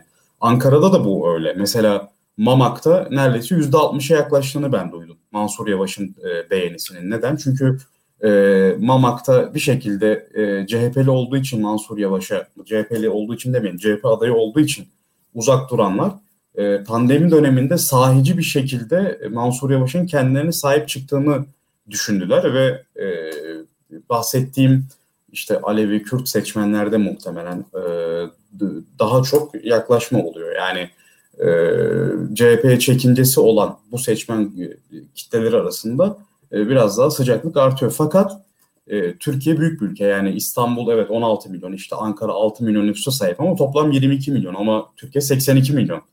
E, kalan 60 milyonda bir şeyler yapması gerekiyor. Burada rol parti başkanlarını düşünüyor, düşüyor. Ee, özellikle burada CHP şöyle bir eleştiri getirmek istedim. CHP kurultay sürecinde ya İyi Parti de öyle. E, çok enerji kaybediyor partiler. E, oturup da gerçekten politika hazırlayamıyorlar. Başka danışmanlara falan belki hazırlatıyorlar. Ama e, sonuçta parti merkez yürütme kurulunun veya işte partinin tepesine kim varsa bu yeni partiler için de geçerli. E, gölge kabine gibi hareket etmeleri gerekiyor. Yani e, Türkiye'deki sorunların farkında olmaları gerekiyor. E, onlara çözüm önerileri ve bu çözüm önerilerini uygulayabilecek isimler bunların konuşulması gerekiyor. Yani seçmen evet endişeli ve endişe duygusu e, alternatif aramayı beraberinde getirir. E, çünkü insan korktuğunda sığınacak yer arar, endişelendiğinde sığınacak yer arar. E, ancak muhalefet e, özellikle ulusal siyasette yani bu yerel siyasetçileri bir kenara koyduğunda e, bu vizyonu ortaya koyamıyor. Tabii ki burada iktidar medyasının karalamaları ve kimlikler çok etkili ama e, biraz ezber bozmaları lazım. Yani bunu Millet İttifakı daha rahat yapabilir. E, ortak bakanlar kurulu gibi bir, bir toplantı düzenleyebilir mesela. İki ayda bir olsun bu. Oradan bir yol haritası hazırlanabilir. Bunlar yapılabilecek şeyler. Yani son dönemde CHP'nin bu konuda biraz daha öne çıktığını görüyorum. İşte Selin Sayık tekrar Kılıçdaroğlu, Kılıçdaroğlu'yla beraber hareket etmesiyle birlikte e, ekonomiye dair işte bu köprülerin kamulaştırılması meselesi gibi e, daha somut öneriler gelmeye başladı. E, bunun devamının gelmesi gerekiyor. E, şimdi hızlı birkaç şey söyleyeceğim. AK Parti'nin e, AK Parti mesela ekonomide başarısız ama bir şeyde başarılı. E, kontrollü bir fakirleşme sağlıyor. Yani e, olan biten krizi bence AK Parti kontrollü halde yönetiyor. E, bakarsak son 2-3 yıldır olan ekonomideki gerileme Türkiye'de kontrollü halde e, idare edildi. Yani neticede e, biz e, işte tanzim satışlar vesaire diyoruz. Kontrollü bir şey. Veyahut da e, bir yandan mesela Ali Babacan kendince haklı makro verilere bakıyor ve diyor ki Türkiye'nin 120 milyar doları harcandı boş boşuna diyor. Ama bir yandan da şu kur nispeten yavaş yavaş arttı. Yani anlık bir artış o an hani e, atıyorum e, çok daha fazla insanları rahatsız edecek. O an te- te- tepki gösterecekleri bir artıştansa belli bir zamana yaydı hükümet bunu. Neticede e, 120 milyar dolar harcadı Türkiye'sinin ama bunun karşılığında bu kontrollülüğü sağladı. Ha, bunun sonunda ekonomi bir şey oluyor mu? Ekonomi gene kötü halde devam ediyor. Hatta şöyle söyleyeyim ben. Ben 90'ları yaşamış birisiyim. 90'larda Türkiye evet krize girerdi ama krizden çıkardı. Hatta Türkiye'nin kendisine benzer ülkelere göre avantajı şuydu. Krize girmesi ama çabuk çıkması. Çünkü genç nüfusu, dinamik kitlesi, girişimci bir e, işte alışkanlığı, kültürü vardı Türkiye'nin. Bütün bunlar Avrupa Birliği'ne yakındı vesaire dünyadaki büyük pazar avantajları var. ihracata yöneliyordu. Türkiye bu, bu sayede krizlerden hızla çıkan bir ülkeydi ama şu an uzun zamandır Türkiye aslında e, krizden çıkamıyor. Fakat ne yapıyor? Ne yapıyor Türkiye? Krizi kontrollü bir şekilde yönetiyor Türkiye aslında. AK Parti söyleyelim. Buna tabii medya etkisi de beraberinde geliyor. Medya medyayla da beraber aslında krizi ve kriz algısını yönetiyor diye ben düşünüyorum e, burada. E, muhalefetin evet e, Onur çok haklısın. Gölge kabine gibi bir yaklaşım olması gerekiyor ve e, önerilerin de daha somut olması çok önemli. Yani burada mesela e, birebir e, hani e, işte devlet köprülere el koyacak dendi. Bunun gibi şeyler. Hani sert bir yandan hani aslında gibi gözüküyor ama bir yandan somut. Yani e, vatandaş mesela Selin Selek Böke'nin ne dediğini anladı açıkçası. Anlatabiliyor muyum? Yani geldiğimiz zaman e, işte bize güvenecek e, dünyadaki piyasalar Türk biz, piyasalar bize güveneceği için de dolar düşecek gibi bir dolaylı yaklaşım değil. Ben köprü yani çok daha net bir şey. Bir defa hani vatandaş anlayabileceği birkaç söylem olması lazım. Artı dediğin şey çok doğru. Türkiye'de mesela en basitinden mesela bir güvenlik meselesi var değil mi? Muhalefet iktidara geldiği zaman Türkiye'de kimler güvenlikle ilgilenecek? Muhalefetin mesela İçişleri Bakanı adayı. Ee, birkaç kişi biz söyleyebilmeliyiz bence. Muhalefetin savunma bakanı adayı olarak kimler olabilir? Mesela muhalefet iktidarda olsaydı Türkiye'nin diyelim Cumhurbaşkanı e, işte atıyorum e, hani mesela Murat Karayalçın Cumhurbaşkanı olsa savunma bakanı kim olurdu? çok çok aşırı fiktif olarak söylemek söylüyorum. O yüzden yani söylüyorum. Yani bir savunma bakanı adaylarımız kimler mesela? Biz bunları bilmeliyiz ve şu var e, mesela Savunma Bakanlığı'na dair bir konu olduğu zaman da o konuşmalı. Ve bunun da e, getirdiği bir uzmanlık ve sözün ağırlığı olması gerekiyor diye düşünüyorum. Buna benzer konular mesela e, işte uyuşturucu meselesi olabilir, e, kent yoksulluğu meselesi olabilir, işte e, basit suçlar olabilir, cezaevlerinin durumu olabilir, insan hakları olabilir. Belli konularda belli isimlerin önde olması ve öndeyken de yani arkasında da parti e, ve muhalefetin kendi örgütlülüğüyle beraber yani o kurumsallıkla beraber o önde önde olma e, önde olma gerçekleşmiyor diye düşünüyorum. Devam edelim. Devam edelim diğer grafikle. Şimdi az önce konuştuklarımızın somutlaştığı bir tablo bu. E, bu tabloyu nasıl e, oluşturduk? Cumhur İttifakı'na oy vereceğim diyenlerle e, parti tercihi belirtmeyip 2018'de Cumhur İttifakı'na oy vermişleri topladık. Muhalefet için de aynısını yaptık ve böylece Cumhur ve muhalefet potansiyel oylarını bulduk. E, muhalefet yükseliş trendindeydi Haziran'a kadar. Yani 42'lerden 49'a çıktığını görüyoruz ve potansiyel olarak ilk kez e, Cumhur İttifakı'nı geçtiğini görüyoruz muhalefetin. Ancak e, bu yazın yeniden dış politika, ulusal konular, işte Ayasofya falan gibi ve aynı zamanda da bu düşük faizli kredilerle beraber bir şekilde yeniden Cumhur İttifakı'nın potansiyel olarak yükseldiğini görüyoruz. Aslında az önce konuştuğumuz e, muhalefet için tehlikenin diyeyim e, somutlaştığı bir gra- e, grafik bu, bu tablo bu. E, yani Cumhur İttifakı kendisine şu an oy vermeyen fakat geçmişte oy vermiş olan yani 2018 seçimlerine oy vermiş olan kitleleri yanına çekebilirse eğer e, muhalefetin önüne geçebiliyor ve e, başkanlığı kazanabiliyor. Mecliste çoğunluğu alabiliyor. E, biz bu ihtimali hiçbir zaman e, gözden çıkarmamalıyız. Yani ben muhalif kimliğimle konuşuyorum bu yayınlarda. O yüzden bizli konuşuyorum. Biraz objektif e, analist kimliğimizi kenara koyuyoruz yani. Çünkü Türkiye'de açık bir otoriterleşme var. Açık bir yönetim krizi var. Hem ekonomide, dış politikada, adalette. 1 e, milyon 200 bin insanın terör şüphelisi ilan edildiği e, otoriterlikte Çin, Kuzey Kore, Rusya seviyesine yaklaşan bir ülkeyiz. Yani ben burada bir taraf olan bertaraf olur diyorum ve muhalefet için biz e, tabirini kullanıyorum yani çekinmeden. E, dolayısıyla e, muhalefet partilerinin de ben bu yayınları takip ettiğini biliyorum ve bu tabloyu hiçbir zaman akıllarından çıkarmamaları gerektiğini tekrar tekrar üzerine basarak e, söylüyorum. Yani muhalefette şöyle bir rahatlık var. E, biz bir şekilde e, herkesin oyunu alabilecek adaya çıkarırız. İşte bu Ekrem İmamoğlu veya Mansur Yavaş veya hiç tanımadığımız birisi olabilir. %50'yi geçeriz. Zaten Tayyip Erdoğan'ın e, oyu azalıyor. E, yani rüzgar bizim arkamızdan esiyor. Bir şekilde e, Türkiye sosyolojisi değişiyor. İşte genç nesil geliyor, Z kuşağı geliyor. Biz bu işi hallettik gibi bir rahatlık var. Bunun böyle olmadığını gösteriyor bize e, bu potansiyel grafiği. Hı hı. Şimdi e, bu potansiyel grafiği üzerine daha önce de konuştum ben. E, kendi yorumlarımı tekrar etmeden önce tekrar e, arkadaşlarımdan rica ederim bir yayını beğensinler, paylaşsınlar evet. ve yorum yapsınlar. E, ve e, bizim yayınlarına daha çok kişi ulaşsın bu sayede. Şimdi bu bu grafik çok önemli bir grafik. Bir defa bu grafik birincisi iktidarın e, sınırlarını gösteren bir grafik bize. Bu iktidarın sınırlarının e, bir kolay kolay da aşılamayacağını gösteriyor aslında. Ve bu açıdan da bugünden sonra ben iktidardan bu grafiklerin mantığıyla bakarak e, şunu öngörüyorum. Daha önce de öngördüm ve doğru çıktı. Ne yazık ki doğru çıktı. Ya iktidardan bir defa bu grafiklere bakınca bir demokratikleşme beklemiyorum bundan sonra. Yani e, şu gözüküyor ki iktidarın daha demokratikleşerek e, ilerleyebileceği bir alan pek kalmamış durumda iktidar açısından. Çünkü ekonomide de bakmayın siz başarılar sınırlı olacaktır bundan sonra. Yani giderek tabii bir kontrollü olarak e, bir şekilde bir mazot tüketilerek e, belli bir istikrar sağlanmaya çalışılıyor ama ilerleme de olmayacağı açık. E, bu da şunu gösteriyor. İktidar açısından daha ziyade önemli olan seçmen kendi seçmeni. Kendi seçmeni olunca da iktidar açısından mesele şu kendi seçmenini sandığa götürmek. Yani kendi seçmenini e, bileylemek, kendi seçmenini e, ateşlemek, kendi seçmenini mobilize etmek iktidar açısından ana mesele. Haziran başında hatırlarsın Onur, ben bunu söylemiştim. İktidardan e, Ayasofya gibi, İstanbul Sözleşmesi gibi konularda, LGBT gibi konularda sertleşme bekliyorum demiştim ki gördük bunu.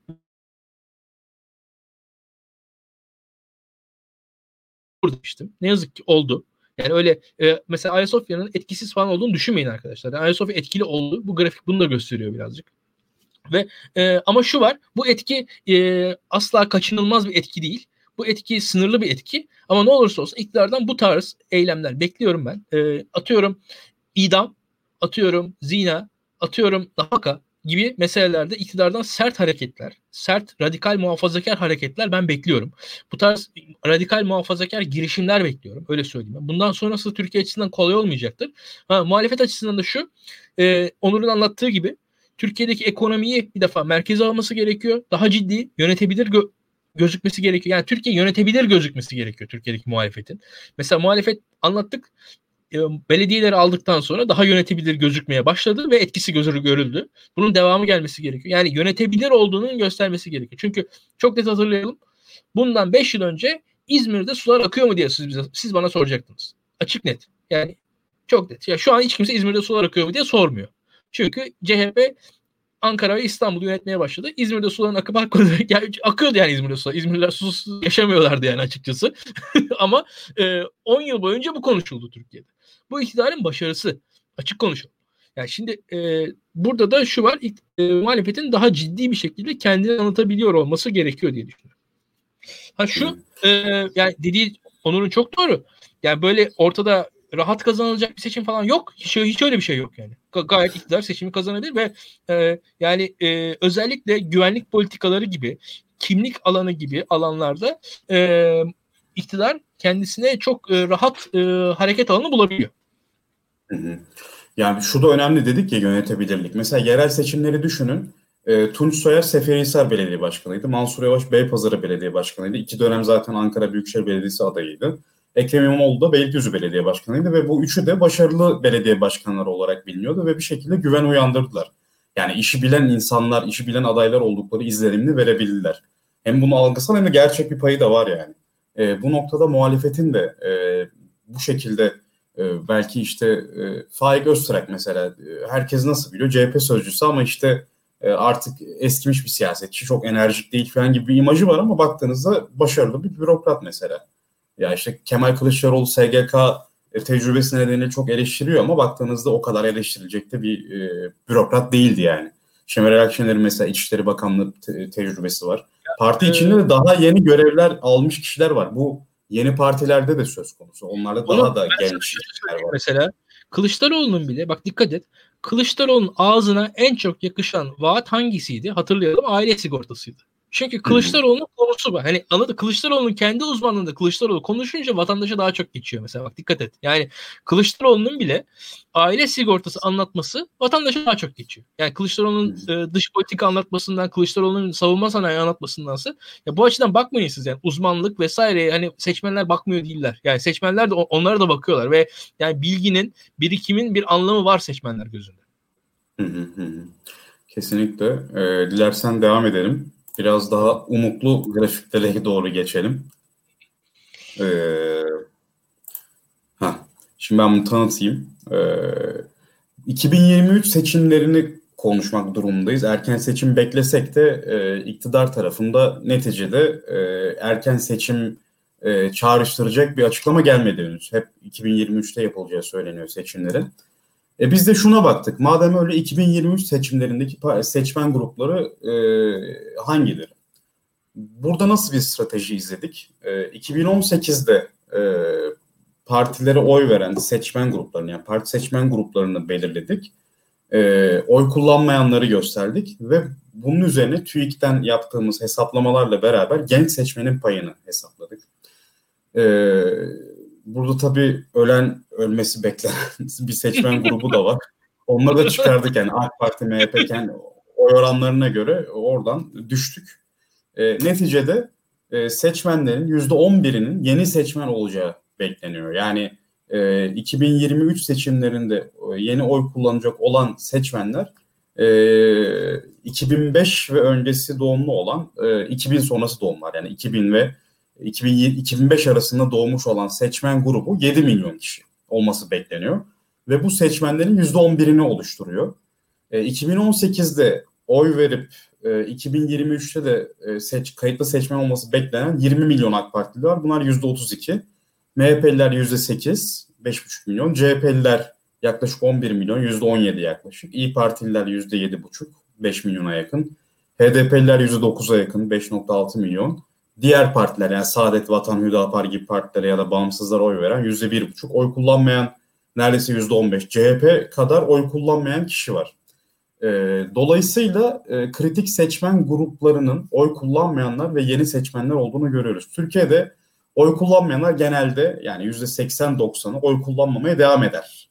Ama 2023 seçimlerinde e, Tayyip Erdoğan'ın seçim kaybetme olasılığıyla birlikte muhtemelen e, oy kullanma yani bir önceki seçimde 2018 oy kullanmayıp 2023'te de oy kullanmayanların oranı düşecek muhtemelen. Çünkü kritik bir seçim olacak gerçekten. Muhalefetin kazanma umudu artacak.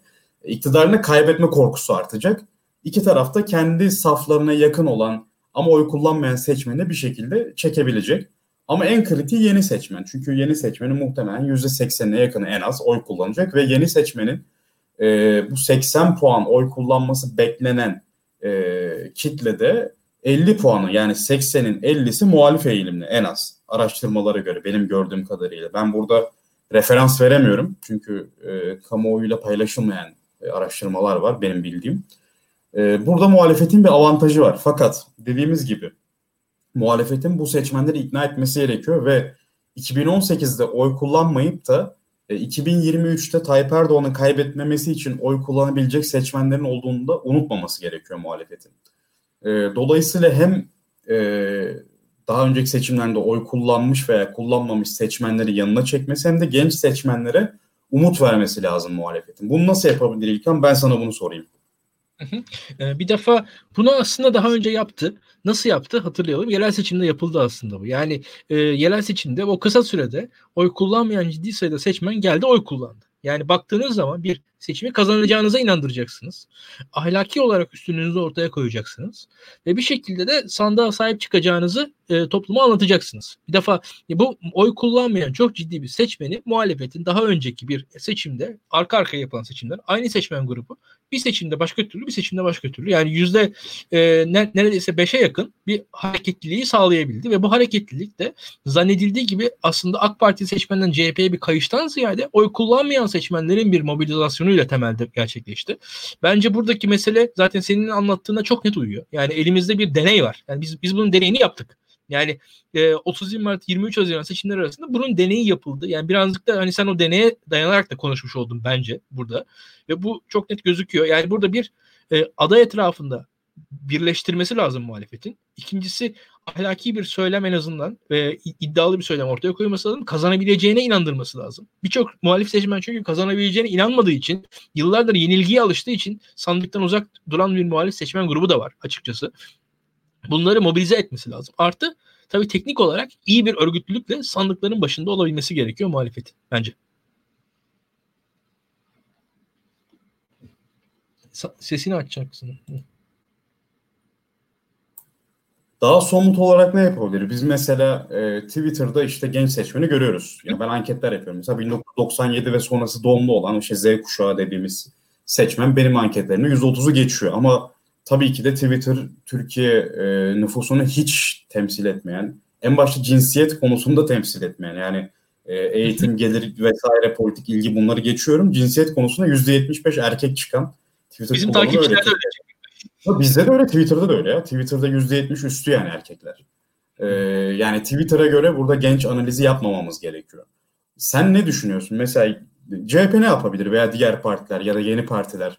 Ee, gençlere nasıl oynayabilir veya sen genç seçmenleri bir blok halinde analiz etmememiz gerektiğini bilen birisin. Öyle bir analizsin. Farklı evet. farklı genç tipleri var. Sen burada e, farklı genç tiplerini ele alırsak e, nasıl strateji izlenebileceğini farklı gruplara düşünüyorsun? Şimdi bir defa gençlerin temel meselesi işsizlik. İşsizlik Hı. meselesi bağlamında konuşulması gerekiyor. Onun dışında tabii ki e, birçok e, gencin de e, bir kısım gencin özellikle bunlar e, Kürt kökenliler belli bir e, hissiyatla dokunulmaktan yani dokunulmamış genç seçmenler var. Türkiye tarihinde ilk defa Onur. E, Türkiye'de genç seçmenlerin çoğunluğu kentlerde büyüdüler. Bir defa bunları bilmek lazım. E, onun haricinde e, ciddi anlamda aileleriyle ne kadar temasları var bunlara bakmak lazım ve genç seçmenlerin taleplerinden özellikle işsizlik meselesini çözeceğine dair inandırması gerekiyor birincisi. İşsizlik meselesi artı e, ben kadın hakları bağlamında da bu genç kadın seçmenlerin bir şekilde e, ulaşılabileceğini düşünüyorum. Artı bakarsak e, ciddi anlamda e, şey yaşanıyor. E, mesela bir üçüncü sayfa gündemi oluyor Türkiye'de dikkat ederseniz. Bu üçüncü sayfa gündemlerine karşı muhalefetin bir şeyler söyle, söyleyebilmesi gerekir diye düşünüyorum. Bugün e, tersten bakalım. İktidarın en popüler bakanı hangisi? Genelde bize kızıyorlar bu yüzden. Soylucu oldunuz falan diyorlar ama iktidarın en popüler bakanı Süleyman Soylu. Şimdi bu tarz konularda muhalefetin iktidarın elinden bu popülerliği alması gerekiyor. Yani bir e, sıradan vatandaşına sahip çıkması, gençlerin yaşadığı eksiklikleri, bir e, güvenlik eksikliğini de muhalefetin karşılayabiliyor olması gerekir diye düşünüyorum. Yani aslında baktığınızda çok kabaca bir hesap yapayım. Şimdi 2023 seçimlerinde ortalama 100 seçmen olduğunu düşünelim. E, bu 100 seçmenin 39'u 31 artı 8 küsürlerle beraber 39 Cumhur'a oy vermiş. İşte 23, 32, 33 e, yaklaşık 34'ü filan e, muhalefete oy vermiş. Yani 39, 34, 5 puanlık bir fark var arada.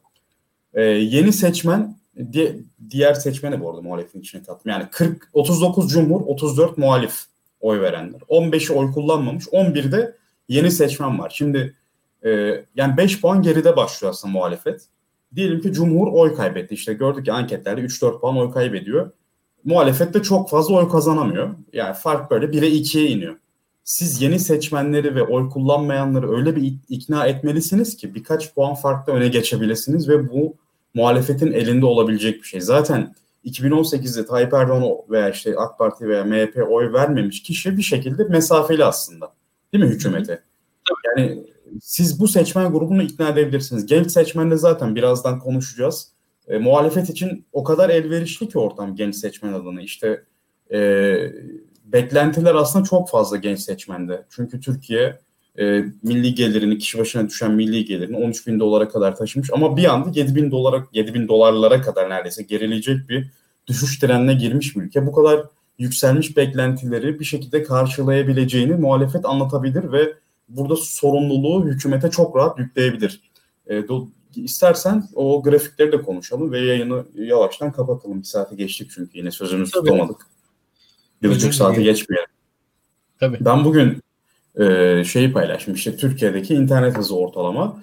E, yani Avrupa'nın en düşük seviyesi ve 24 olmadığını dahi iddia eden çok kişi oldu. Yani ben Tabii. olduğunu düşünüyorum. ben de ee, iddia ediyorum. Yani gördük pandemide herkes sonuçta bilgisayarlara mahkum kaldı ve Türkiye'de şöyle bir durum da var. Yani mesela öğrencilerin %30'unun bilgisayara doğrudan erişimi zor. Yani pek çok ailede herkes zaten yani bilgisayarları paylaşıyor. Herkesin kendine özel bilgisayarı yok mesela. Avrupa'da belki de yani ben bu o oranlara bakmadım da hani bilgisayara erişim oranı Avrupa'da %80'leri buluyor. Türkiye'de %70'i geçmiyor mesela. %60'larda kalıyor. Ama belki de Avrupalı ailelerde yani her çocuğun bir bilgisayar olabiliyor. Burada öyle bir imkan yok yani. Ya, belki ya, telefondan falan bağlanan var. Mesela bunlar tabii, tabii. çok temel yani, şeyler. Zorunlu eğitimde geride kalıyorsunuz artık. Hani şartlar e, sosyal adaletsizlik konusu iyice belirgin oldu pandemiyle Yok, beraber. Ben şu an e, şunu söyleyebilirim. Mesela hani en e, fakir ailelerin evinde hiç bilgisayar yok. O konuşuluyor. Konuşulmadı doğru. Mesela en fakir ailelerden bir kademe yüksek ailelerde mesela evde bir bilgisayar var. Yani çok gayet normal evet. bir şey gibi geliyor ve ama ailede iki çocuk var. Biri, biri ilkokulda, biri ortaokulda diyelim yani. Biri orta kısımda okuyor. E ne yapacaksınız? Aynı anda ikisine dersi var. Yani e, ciddi, ciddi, e, ne yapacak bu kızlardan yani bir kız okurken oğlan mı okumayacak? Yani bu çocuklardan hani Sophie'nin choice gibi bir şey olmaya başladı bu. Çok aslında düşünülmesi gereken çok sık, sıkıntı var şu an Türkiye'de. Yani evet, evet. E, dediğin şey çok doğru. Yani bu ve e, hani ne yapacak bu aileler ya ve şu anda da e, kurla beraber inanılmaz noktalara geldi. Ben ve şunu da söyleyeyim ben. Yani normal bir ülkede e, iktidarın e, proaktif olması ve e, acilen e, bu tarz e, bilgisayarlara, internet erişimi olan e, e, teçhizatlardaki vergilerin indirilmesi, hatta teşviklerin verilmesi gerekiyordu. Çok daha hızlı davranılması gerekiyordu ki hani okullar başladı. Hani biz işte düşünün e, bu pandemi sürecindeki en e, ben mesela pandemi sürecinde iktidar en az eleştiren e, analistlerden birisiydim muhtemelen. Hatta yani Onur hatırlar. Çok az eleştirdim. Tayyip Erdoğan bu işin suçlusu değil dedim ama şu var. Ya en başarısız hareketti sokağa çıkma yasağı ve maske konusundaki e, üniversite sınavının erkene e, önce ertelenip sonra tekrar erkene alınmasıydı. Arkasından hadi bakalım onlar geçti tekil olaylar falan derken ya şu an okullar başladı uzaktan eğitim kararı alındı. Ve hiç kimse aynı evde iki çocuğun olduğunu düşünmemiş gibi davranıyor şu anda. Yani nerede şu an fark edilmiş gibi geliyor bana. Ya bu e, ciddi anlamda sıkıntılar var eğitimde. Ve bu eğitim meselesini mesela ya hakikaten öğretmen vekillerin konuşması da gerekiyor. Onu da söyleyeyim bu arada. Yani bence e, çok da zor değil bunlar e, ve herkes yaşıyor şahsen e, ve internet meselesi de şu açıdan çok önemli. Türkiye'de artık e, yani internet olmadan bir hayat zaten imkansız ve internetin kalitesi de gerekiyor ve e, zaten e, siz internet olmadan da belli e, katmanların üzerinde bir iş yapamıyorsunuz. Yapamayacaksınız zaten bundan sonra da. Evet. Devam edelim.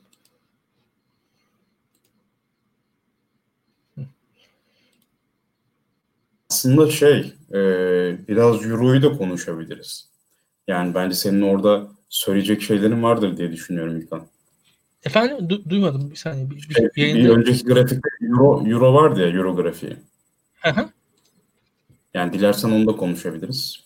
Ha, tabii tabii tabii. Ya şu anda e, Euro konusunda şöyle bir durum var. E, basitçe biraz e, çok da haddim olmayarak bir makroekonomik yorum yapacağım. E, bu pandemi sürecinde aslında tüm dünyada e, en başta büyük ekonomiler ciddi şekilde para bastılar ve ekonomilerini güçlendirmeye çalıştılar. E, ve burada en fazla para basan ülke Amerika oldu. Amerika aşırı para bastığı için dünyada doların değeri azaldı aslında şu anda. Yani hatta e, birçok insan Amerika'da basılan fazlası fazla dolar yüzünden, Amerika'da Amerika'nın piyasaya sürdüğü dolarlar yüzünden birçok borsanın balonlaştığı falan tartışıldı. Zaten ne arttı hatırlayalım. Altın arttı bu son yılda. Altına yatırım yapanlar kazanmaya başladılar. Türkiye'de Türkiye öyle bir haldeydi ki aslında bu e, dolara karşı avantajlı konumunu de TL Türkiye'nin kendi ekonomik şartları gereği kullanamadı. Normalde TL'nin dolara karşı da, değer kazanmasının bekleneceği zamanlardı bunlar. Doğru düzgün bir ekonomimiz olsaydı bizim aslında. Şu hani pandemiye iyi bir ekonomiyle biz girseydik TL dolara karşı değer kazanırdı şu şartlar altında. Çünkü aşırı dolar basılıyor aslında. Dünyaya dolar e, yani dolar salınıyor. Dünya ekonomisi işlesin diye sadece.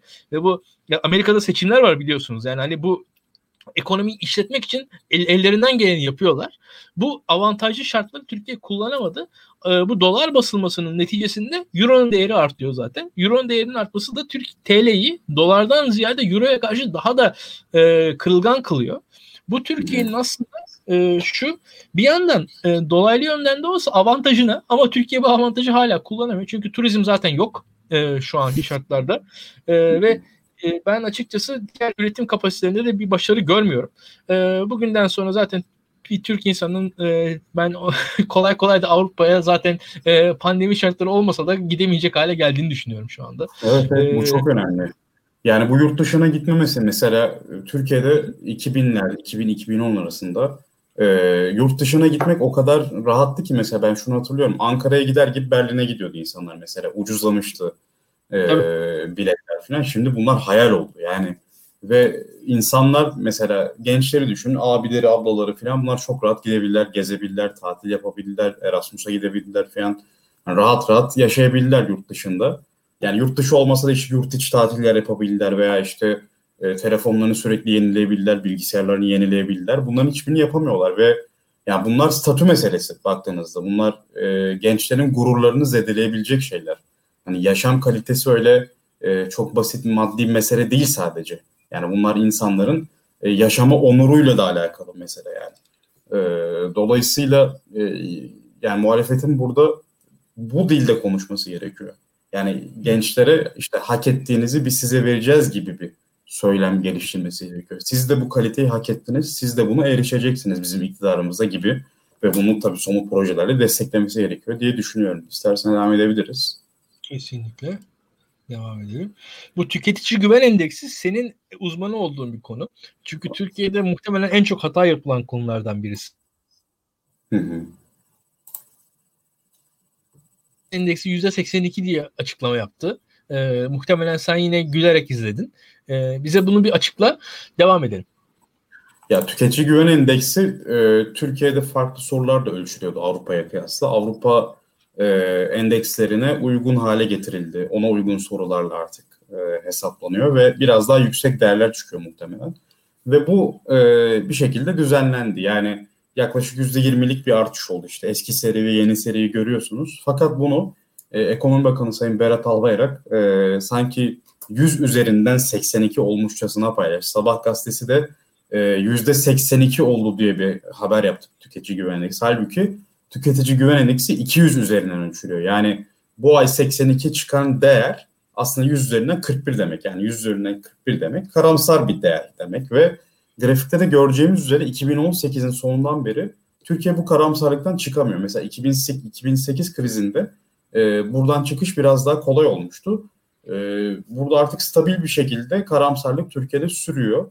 E, Erdoğan karizması, işte e, kutuplaşma ve muhalefetin bir şekilde alternatif görüntüsü çizememesi gibi faktörlerle e, bir şekilde AK Parti, işte yüzde AK Parti ve MHP yüzde 40'ların üzerinde seyrediyor bu karamsarlığa rağmen. Fakat e, ben bu kur kriziyle birlikte biz artık alışık olduğumuz için etkilerini hemen hissedemiyoruz ve reaksiyon vermiyoruz belki ama e, tüketim maliyetinin çok daha yükseleceğini biz kestirebiliyoruz ve bunun doğalgaz faturalarını veya işte elektrik faturalarına da yansıyacağını çok iyi biliyoruz. Veya işte enflasyona yansıyacağını genel olarak ve kış aylarında bunun daha derinden hissedileceğini ve az önce de bahsettiğimiz gibi Türkiye'de e, seçmen demografisi değişiyor ve gençleşiyor. Gençler de e, AK Parti'den önce bir ekon, e, iktidar görmediği için AK Parti'yi daha rahat eleştirebiliyorlar ben AK Parti ve MHP'nin daha da oy kaybedebileceğini düşünüyorum ve tüketici güven endeksinin de biraz daha kötüye gidebileceğini tahmin ediyorum. E, dolayısıyla yine muhalefet için e, önemli bir fırsat söz konusu. E, tabii bunu değerlendirmeleri gerekiyor. Kesinlikle öyle. Ya tüketici güven endeksi e, bakıldığı zaman hani e, yıllar içerisinde komparatif olarak hani karşılaştırmalı olarak oy oy sonuçları yani anket sonuçlarıyla e, nispeten e, orada etkisi gözüküyor. Yani tüketici güven endeksinin artışı azalışının anketlerde karşılığını biz gördük. Yani belli bir legi falan da olabiliyor. Bunu sen benden daha iyi bilirsin. Ama orada var yani. Orada tüketici güven endeksinin e, artışıyla azalışıyla bir oy karşılığı ben bir, bir gözüküyor. Zaten buraya koymamızın sebebi de o. E, öyle söyleyelim ve e, AK Parti de zaten hani bir yerden sonra ben bunun e, bu kalibrasyonun diyelim yani kalibrasyon derken işte 60'tan 80'e çıkartılması ki hani e, aynı şey yani bakıldığı zaman hani boyunuzu santimetre ölçseniz veyahut da şeyle ölçseniz yani e, inçle ölçseniz aslında boyunuz aynı. Hani boyunuz uzamıyor yani. İnç yerine santimetre ölçtüğünüz zaman yani buradaki mesele şu yani 60 yerine 80 yani istersen 100 çıksın tüketici güven endeksi. Yani bu mesele o değil buradaki. E, ama tüketici güven endeksinin zaten yıllara göre aldığı değerler bize bir şey anlatıyor. Kesinlikle anlatıyor ve ekonomi etkili olacaktır diye düşünüyorum ben de ve ama şu hani ekonomi yani iş ekonomidir deyip de arkamıza yaslanmamız gerekiyor. Burada tekrar ekonomiden devam edelim. Ee, e, e, neydi? MSCI işte Türkiye'nin e, Morgan Stanley Capital Index Türkiye'nin e, gelişim ülkeler içerisindeki değerini anlatıyor bu. Türkiye'nin burada da bu ben bu grafiği biraz açıklayayım isterseniz arkadaşlar size. İşte bu grafik aslında e, gelişmekte olan ülkelere e, yatırım yapan e, yatırımcılar için bir e, şöyle söyleyelim e, bir rehber grafik aslında. Yatırımcılar için e, hazırlanmış bir grafik. Türkiye'den seçilmiş belli hisseler var. Bunlar güçlü hisseler. Türkiye'deki en güvenilir hisseler. Öyle söyleyeyim. Yani ben bu hisselerin şimdi tek tek adlarını e, söylemeyeyim sizlere de ama siz, sizin tane borsaya girenlerin bildiği e, borsadaki en güçlü hisseler bu. Bu, bu endekse dahilde. Bu e, 26 gelişmekte olan ülkedeki e, en önemli şirketler genelde bu endekse dahil. Bunlar gelişmekte olan piyasalar bunlar. Ve belli bir gelişmekte olan piyasaları da e, bu e, Morgan Stanley şöyle ölçüyor. Belli bir ekonomik büyüklüğü olan şöyle söyleyelim. Hani belli bir ekonomik büyüklüğü olan ve ekonominin de e, ciddi kurallar üzerinde yani ekonomik mantıkla işlediği ülkeler arasından seçilen 26 ülke var. Türkiye bunlardan bir tanesi. Bunlar gelişmekte olan ülkeler ve hani gelişmiş ülkelere göre de gelişmekte olan ülkelere yatırım yaptığınız zaman aslında getiri daha yüksek oluyor. Çünkü gelişmiş ülkelere yatırım yaptığınız zaman siz daha güvenli oluyor ama hani Mercedes zaten Mercedes. Hani Mercedes'in iki katına çıkması daha zor ama gelişmekte olan piyasada aslında daha büyük bir geniş bir aralık var aslında. Orada daha bir risk daha yüksek ama e, getiri de daha yüksek olabiliyor öyle söyleyeyim. O yüzden de dünyadaki yatırımcılar gelişmekte olan piyasaları deniyorlar. Zaten bunun adına globalleşme deniyor teknik olarak yani. Hani öyle söyleyelim. Burada buradaki olay şu. Türkiye'deki hisselerin bu büyük e, sepet içerisindeki değeri azalıyor bakıldığı zaman. Ya Türkiye'nin değeri azalıyor. Buradaki grafikte gördüğümüz şey şu. Bizim büyük şirketlerimizin gelişmekte olan ülkelerdeki diğer şirketlere göre, kendi muadili şirketlere göre diyelim. Şimdi şirket adlarını tek tek değil ama işte Çin'deki şirkete göre, e, Güney Afrika'daki şirkete göre, Brezilya'daki, Arjantin'deki kendi muadili olan şirketlere göre beraberce değerlendirdikleri bir grafikte bunların değerleri azalıyor. Türkiye'nin aslında TL'nin dolar karşısındaki düşüşünün e, fiili olarak yansımasını siz burada görüyorsunuz. Ve burada da yani aslında Türk şirketlerine yatırım yapmanın ne kadar güvensiz olduğunu gösteren bir endeks. Yani yabancı yatırımcıya Türkiye'deki şirketlere yatırım yapman, yapmanız yani şöyle söyleyeyim bu grafiğin tepe olduğu noktalarda Türkiye'deki şirketlere yatırım yapan yabancılar bugün Türkiye'den zarar ettiler açıkçası. Yani bu grafikteki şu onu gösteriyor. T, oradaki değerleri azaldı bu şirketlerin. Yani TL Türk Türk şirketlerinin yatırımın güvensizliğini gösteriyor. Bu zaten aslında e, bir diğer haberle beraber e, ortaya çıktı Onur. E, şimdi gelişmekte olan e, piyasalar var. Bir de e, frontier markets var. Sınır piyasalar var. Şimdi frontier markets dediğin hikaye de şu. Buralarda artık ya çok küçük ekonomiler. Bunlar çünkü çok ölçülemeyen ekonomiler oluyor. Büyük büyükler için. Yani bunlar iyi e, kalkınmış ülkeler olsalar da çok küçükler. Mesela işte atıyorum Slovenya veyahut da işte daha ufak tefek ülkeler. Bunlar e, bu açıdan küçük ülkeler olarak kabul ediliyor.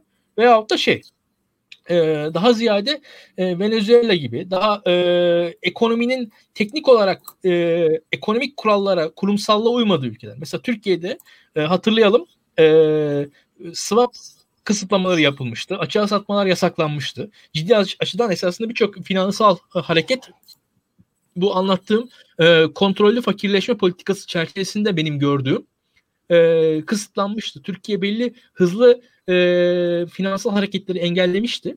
Bu aşamada e, bu aşamada e, benim gördüğüm kadarıyla bizim yaklaşımımız e, Türkiye'nin yavaş yavaş da bu e, uluslararası e, kamuoyunda bu tartışmaya başlandı Onur. Yani Türkiye'yi biz çıkartalım mı çıkartmayalım tartışıldı. Bu henüz Türkiye tabii çıkartılmadı ama bunun da konuşulmaya başlandığını söylemek gerekiyor. Yani Türkiye aslında yavaş yavaş yabancı e, yatırımcıların radarından çıkmakta olan bir ülke. Bu Türkiye'nin gerilediğini gösteriyor diye düşünüyorum. Hı hı. Dilersen e, yani senin bu e, yorumlamanla beraber yayını kapatalım. E, yani ee, senin bahsettiğin gibi Türkiye e, mesela Endonezya'da, Meksika'da filan büyüme e, hikayesi var. Yani bunlar Türkiye'nin near BRICS ülkeleri var. Yani bu BRICS ülkeleri var. Brezilya, Rusya, işte Hindistan filan. E, işte Çin, Güney Güney Kore diyorum, South Afrika, Güney Afrika.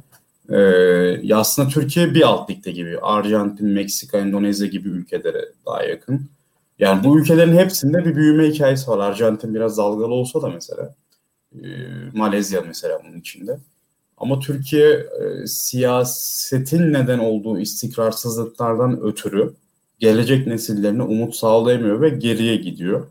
E, ya, dolayısıyla evet. biz de muhalefet muhalefet diye neden burada sabahtan beri papağan bir gibi yani tekrarlayıp.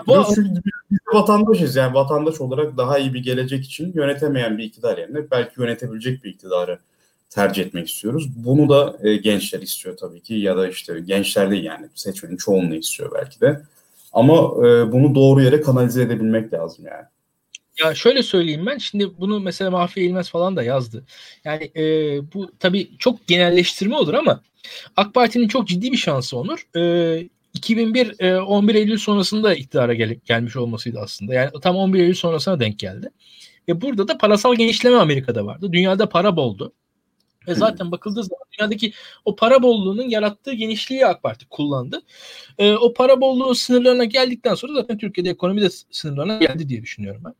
E, bizde fakat e, buradaki ekonomideki sınırlara gelişten sonra bile aslında Türkiye'nin önünde fırsatlar vardı. Türkiye bu fırsatları de- değerlendiremedi. Kendi dönüşümünü sağlayamadı ve e, bence e, hani 2001 sonrası konjonktür değişti dedikten sonra da Türkiye düşebilirdi belli noktaya kadar ama hani bu kadar düşmesine gerek yoktu. Hani belki yani birazcık yavaşlardı falan ama burada biz e, o Avrupa Birliği hikayesini, modernleşme hikayesini sürdürebiliyor olsaydık çünkü hep dikkat et 2001 sonrasında Türkiye'nin iki tane e, çıpası vardı. Biri Avrupa Birliği çıpası, biri IMF çıpası. Yani bir ekonomik çıpa aslında. Biri siyasal çıpa. Türkiye'de siyasal çıpa tamamen yok oldu. Türkiye'nin zaten ondan sonra e, kendi iç, bir ara Avrupa Birliği çıpası yokken Türkiye kendince e, işte sıfır, komşularla sıfır sorun veyahut da işte çözüm süreci gibi hikayeleri dünyaya sattı. Yani işte Kürtlerle barışıyoruz, Orta Doğu'da lider olacağız falan gibi hikayeleri Türkiye 4-5 sene satmaya çalıştı. AK Parti döneminde bu gezi sırasında ve sonrasında Türkiye'nin e, aslında dünyaya AK Parti kendisini anlattı. Öyle söyleyeyim ama ona rağmen de e, birkaç yıl sonra o hikayelerin de sonuna gelindi. Yani Türkiye gerek Orta Doğu'da tıkandı, gerek Kürt meselesinde de bir sonuç alamadı. Yani burada hani haksız haksız demiyorum. Hani neyse neticede Kürt meselesini çözmeye çalıştı, çözemedi. Yani bir başarısızlık var ortada.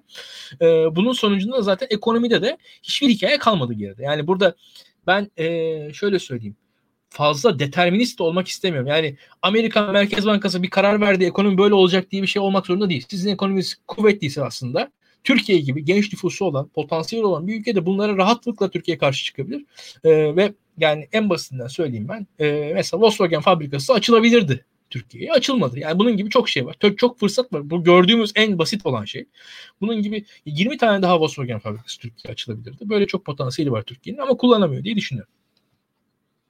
Bu gecelik bu kadar yetsin istersen olur. Senin sesini aç önce. Evet evet. Getirelim. Benim de boğazım biraz ağrımaya başladı. Ee, bir haftadır böyle yatıyordum. Aynen. Ee, Konuşmak zorladı beni. Açıkçası korona günlerinde yani, kendine dikkat et. Ee, arkadaşlar da dikkat etsin. Evet. Ee, seyirci sayımız azalıyor ama sağlığınıza dikkat edin daha da azalmasın. yani e, koronavirüs pozitif değilim yani çok şükür. E, sürçülisan ettiysek affola çünkü çok iyi konuşamadım bu akşam. Biraz böyle ezbere kalıp şekilde konuşmuş olabilirim. E, hepinize sevgiler, iyi akşamlar. İyi akşamlar.